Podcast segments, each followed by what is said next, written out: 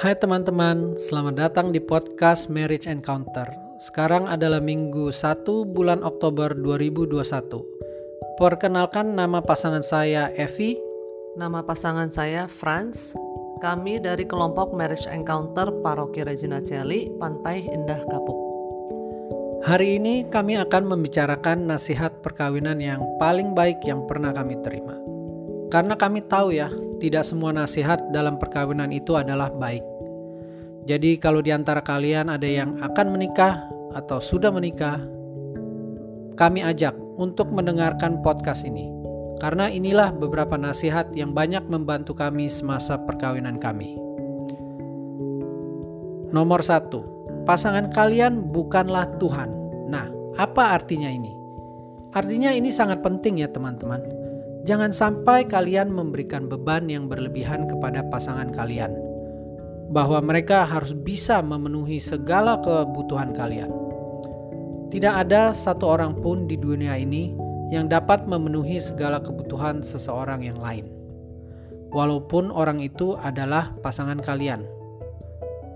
Kalau kalian lihat di film-film romantis, kita sering lihat seorang laki-laki atau perempuan berkata kepada pasangannya, "Oh, kamu melengkapi aku, Sebenarnya ini tidak benar ya teman-teman.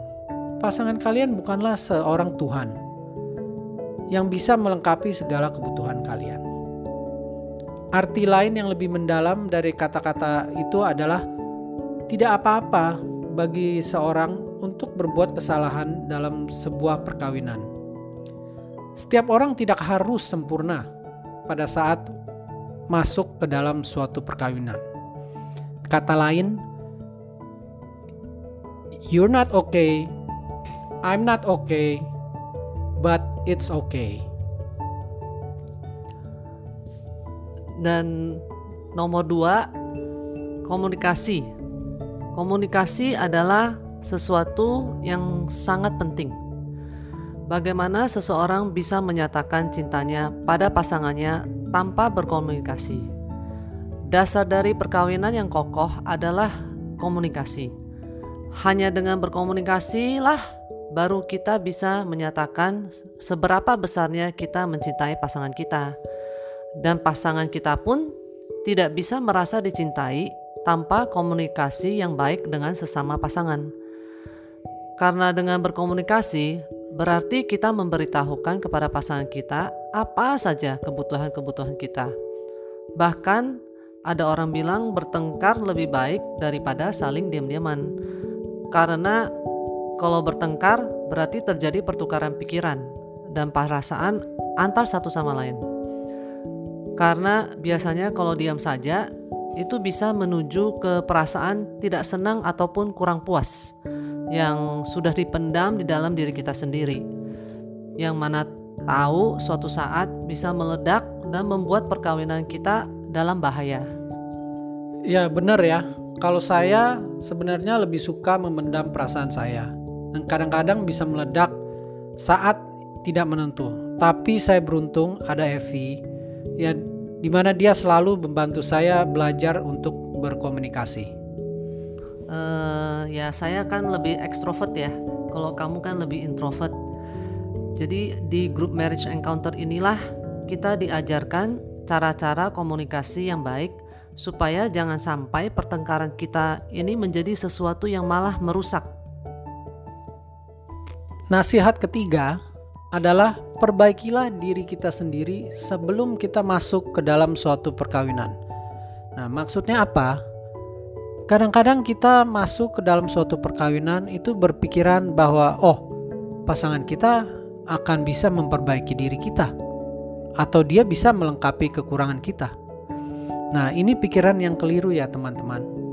Karena pada waktu kita masuk ke dalam suatu perkawinan, kita akan membawa semua hal-hal yang baik maupun yang buruk tentang kita ke dalam perkawinan kita. Jadi, kalau misalnya kita mungkin uh, di masa lampau ada luka batin atau masalah-masalah yang belum terselesaikan seperti narkoba, pornografi, atau depresi atau yang lain-lain, ini akan sangat mempengaruhi relasi kita dengan pasangan kita.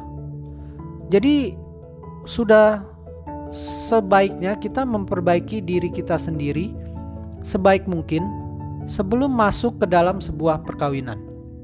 Misalnya, uh, kalau kita punya angan-angan menikahi seseorang yang sabar, penuh cinta kasih, baik hati, nah sudah sepantasnya kita harus mempraktekkan nilai-nilai tersebut di atas di dalam kehidupan kita sehari-hari sebelum menikah.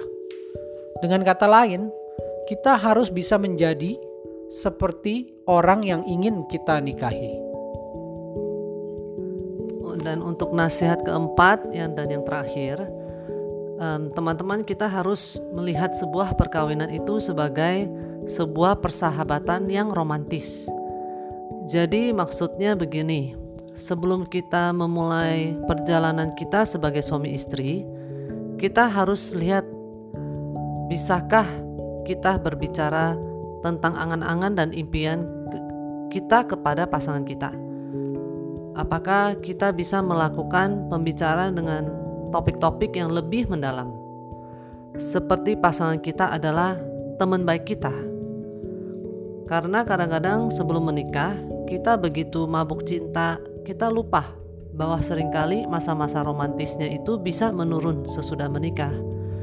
Dan kalau kita tidak ada persahabatan yang erat di bawah keromantisannya itu, kita bisa menjadi semakin jauh dengan pasangan kita. Nah, teman-teman, itulah nasihat-nasihat yang pernah kami dengar dari orang-orang.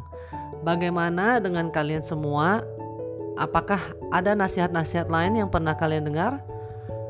Boleh ditulis di komen di bawah ini ya. Kami mohon teman-teman berkenan mendoakan kami supaya podcast ini terus berjalan. Sekian dan terima kasih dari kami semua di grup Marriage Encounter Regina Celly Pantai Indah Kapuk. We love you, we need you.